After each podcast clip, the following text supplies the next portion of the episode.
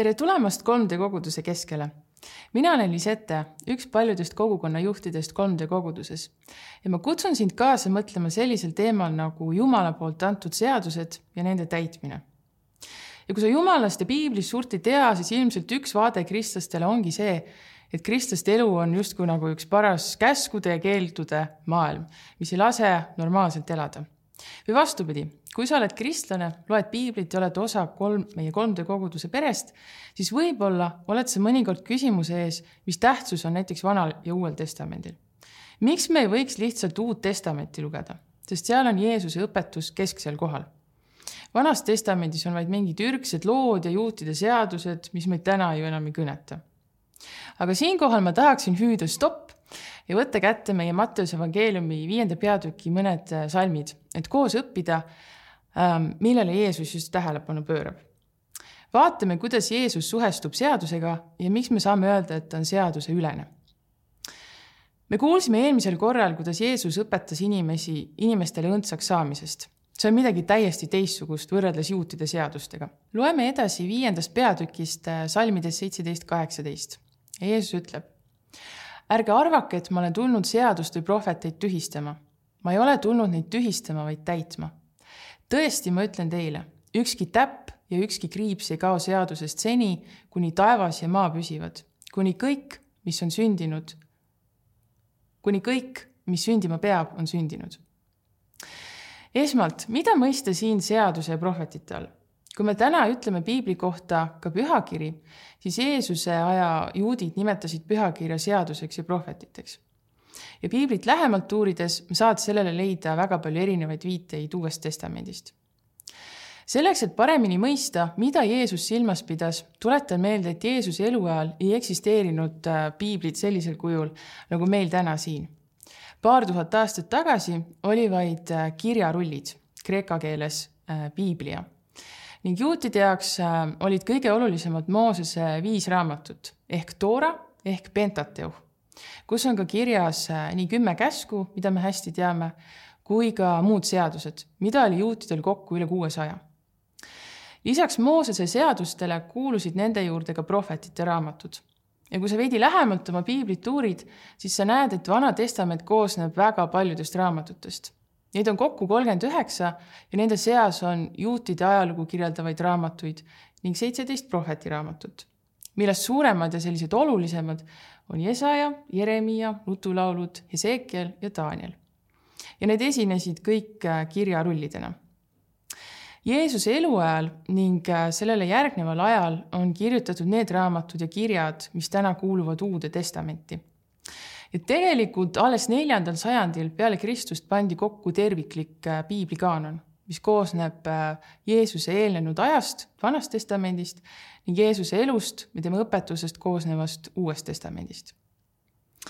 aga minnes nüüd tagasi sinna seitsmeteistkümnenda salmi juurde, kus Jeesus ütleb, et äh, ta ei tulnud seadust või prohveteid tühistama, vaid täitma, tekitab see algselt palju segadust Jeesuse õpetamisviis oli väga teistsugune võrreldes äh, kirjatundjatega. ja siinkohal täpsustan, et äh, kes need kirjatundjad ehk seadusetundjad, variserid olid. Nad olid siis äh, rahva vaimulikud juhid, kes võisid olla ka preestrid, kuid sageli kuulusid nad mingisse poliitilisse parteisse. Nad olid vagad ja püüdsid juutide seaduseid täita ja neid äh, tegelikult iseloomustab selline silmakirjalikkus, eneseülistamine ja kuigi nad ise seadust suurepäraselt teadsid ja kontrollisid ka teisi neid seadusi täitma, ähm, siis tegelikult nad leidsid tihti võimalusi, kuidas salaja seadustest kõrvale hiilida.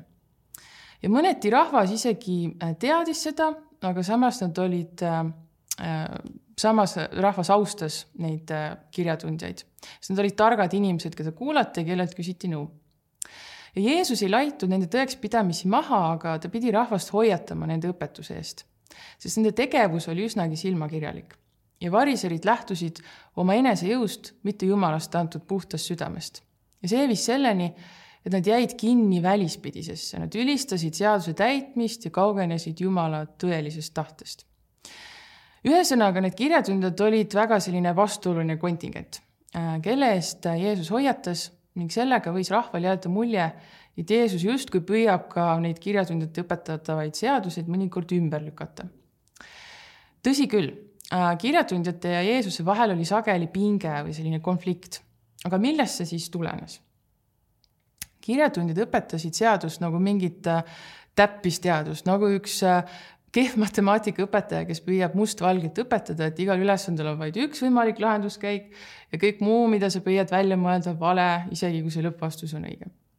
ma pakun, et meil kõigil on paraku elus olnud neid õppimiskogemusi. aga ma väga loodan, et meil on olnud ka neid kogemusi, kus õpetaja on lubanud oma äh,, lubanud olla loominguline ja vahest isegi sundinud leidma teistsuguseid lahendusviise. olgu siis äh, matemaatika ülesande lahendamisel või kirjandi kirjutamisel, et jõuda siis selle originaalse või õige lahenduseni. seega Jeesus äh, oli see teistsugune õpetaja, kes rääkis tähendamissõnades ehk mõistujuttudest äh,. ja neist oli sageli isegi raske aru saada, sest need nõudsid rohkem ajude ragistamist, loovust, järelemõtlemist.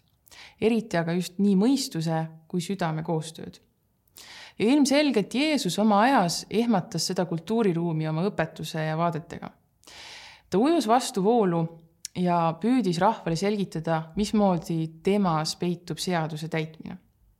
sisuliselt väitis Jeesus, et tema ongi lahendus, aga see, milline on teekond temani, on igal inimesel vabadus otsustada. Jeesus ei eelda, et me teaksime piiblit peast, kui otsustame oma elu talle anda. olulisem on see südamehoiak ja valmisolek hakata koos temaga õppima, äh, mida siis talle järgnemine tähendab. ja siinkohal ma pean tunnistama, et minu isiklik kogemus Jeesuse enda ellu vastu võtta oli just midagi sarnast. paraku noore teismelisena oli mul arusaam, et kui ma pean piiblist, et ma pean piiblist suures osas aru saama, ma oskan seda ka kohe teistele selgitada ja hakkama kõiki seaduseid täitma aga õnneks olid mu ümber inimesed, kes suunasid mind jõudma selgusele selles, mida Jeesus meilt päriselt ootab ja ma sain aru sellest, mis on kirjas näiteks äh, äh, Rooma kirja kümnendas peatükis. kui sa oma suuga tunnistad, et Jeesus on issand ja oma südames usud, et Jumal on ta üles äratanud surnuist, siis sind päästetakse, sest südamega usutakse õiguseks, suuga aga tunnistatakse päästeks. ja sellest mulle piisaski, et mõista oma südames, kuidas siis äh, Jeesuses ongi minu pääste ja kui sina tahaksid samamoodi Jeesust enda ellu vastu võtta, siis sul on ka täna see võimalus. Jeesus äh, suhtus seadusesse täie tõsidusega, sest ta ütles nii, ma olen tulnud selleks, et ja see näitab, et ta oli täielikult teadlik oma missioonist, mida Jumal oli ette kuulutanud seaduse ja prohvetite kaudu. Jeesus tuli täitma oma isa tahtmist, et kooskõlastada oma missioon seadustes ja minna ristisurma ja sellega kanda kogu inimkonna karistus. seega võib öelda, et Jeesus kuuletus seadusele täielikult, nii juriidiliselt kui ka moraalselt. ja Luuka evangeeliumis Jeesus ütleb niimoodi. Need on mu sõnad, mis ma teile rääkisin, kui ma olin alles teiega, et kõik peab täide minema, mis Moosese seaduses ja prohvetites ja psalmides minu kohta on kirjutatud.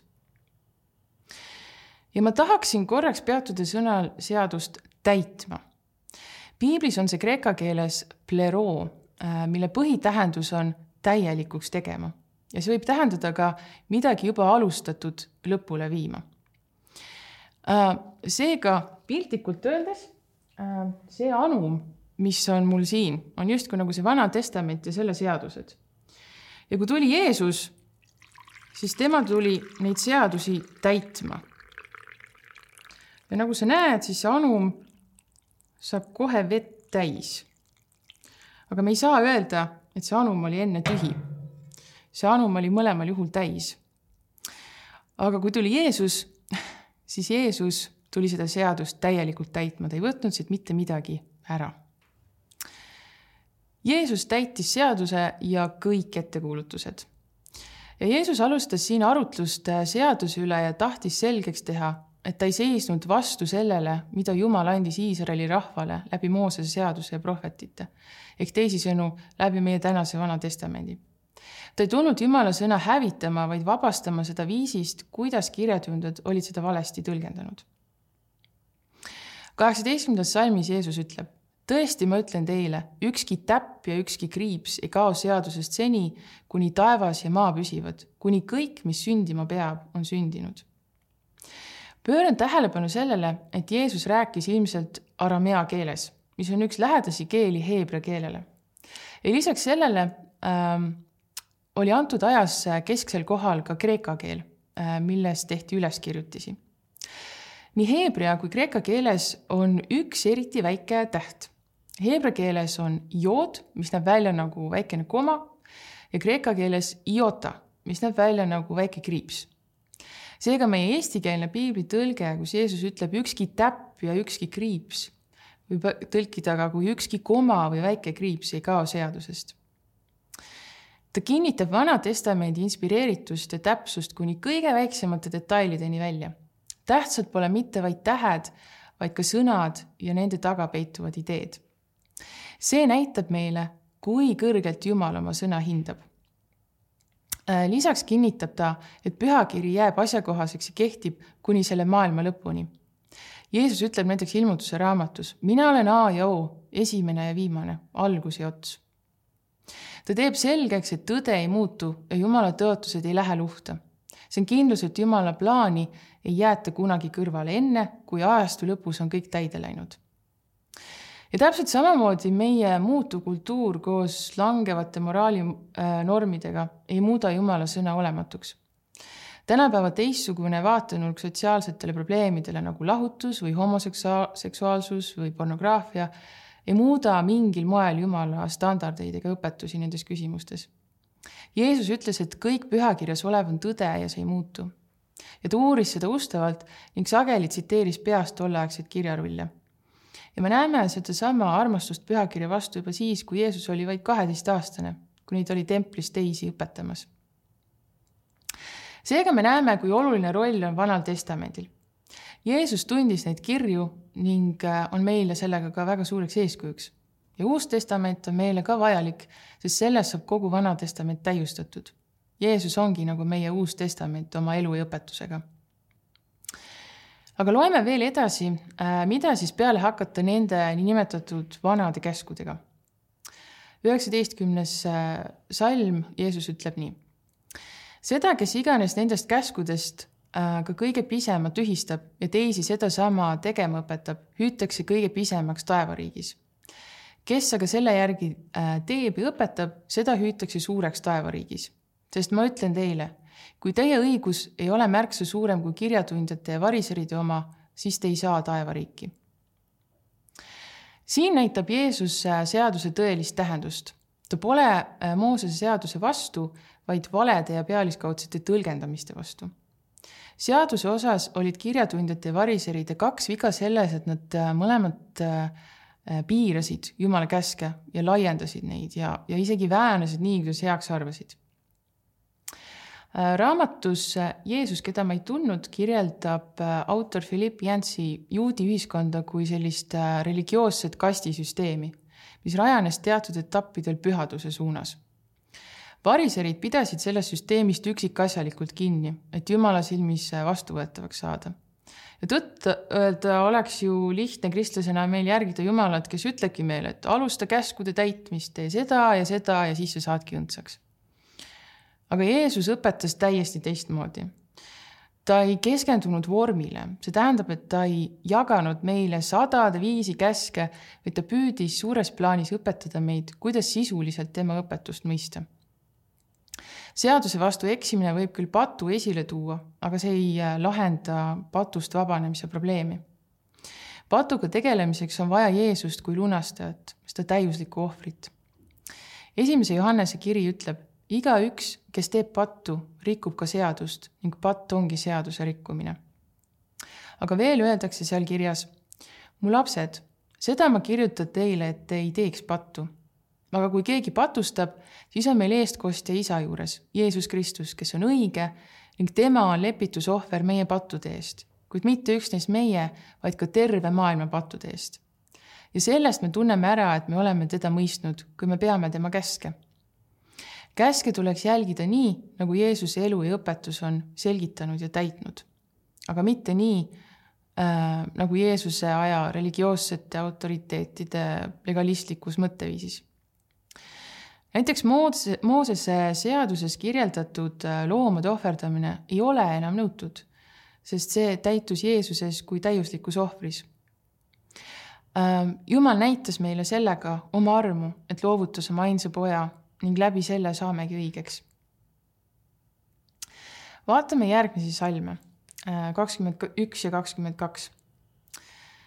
Te olete kuulnud, et muistsete põlvedele on öeldud, sa ei tohi tappa ja igaüks, kes tapab, peab minema kohtu alla.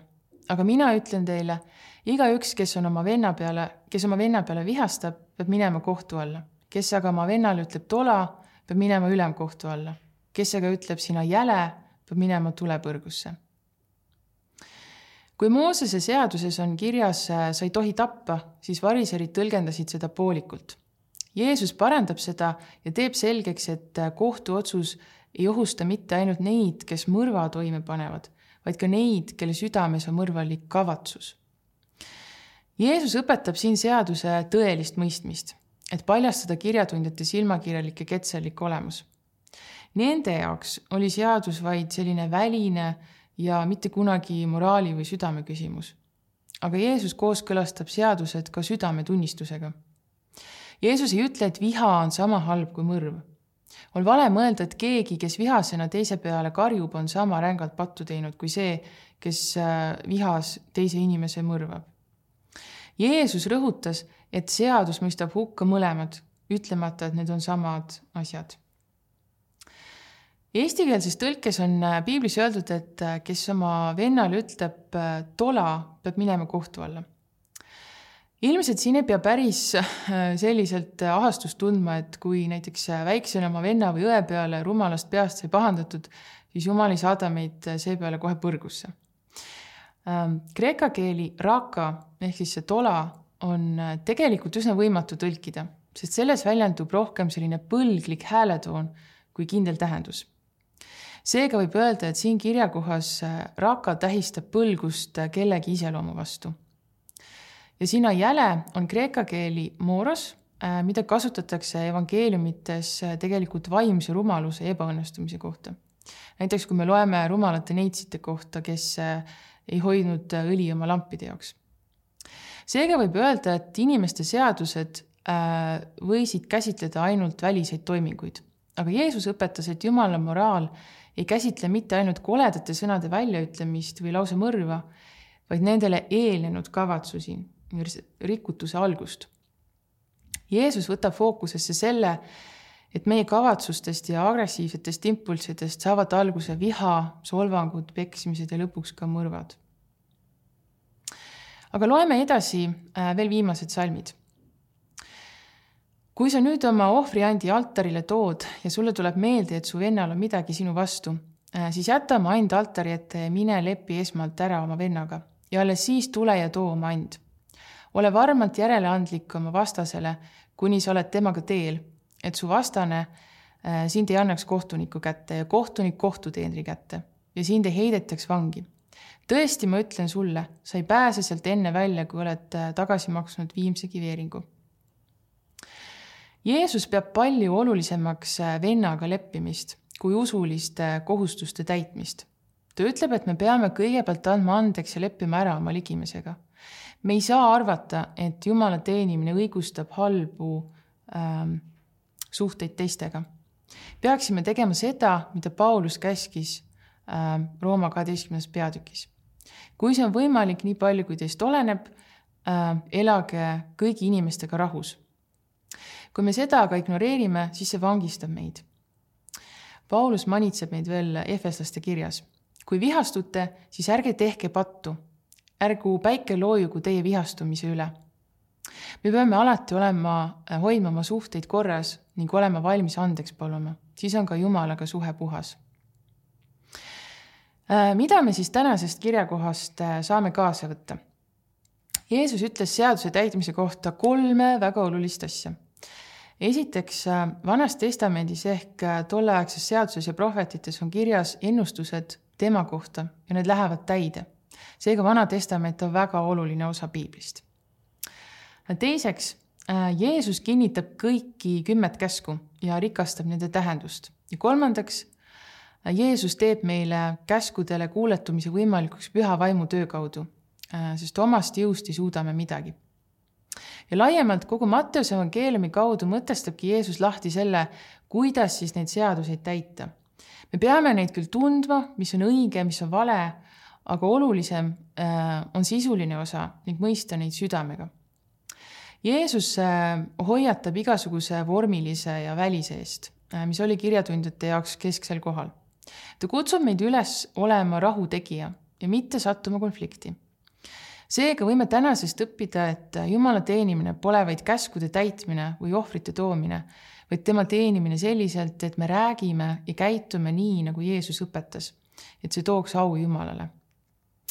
Järgnevalt äh, oled oodatud kaasa mõtlema äh, arutlevate küsimuste üle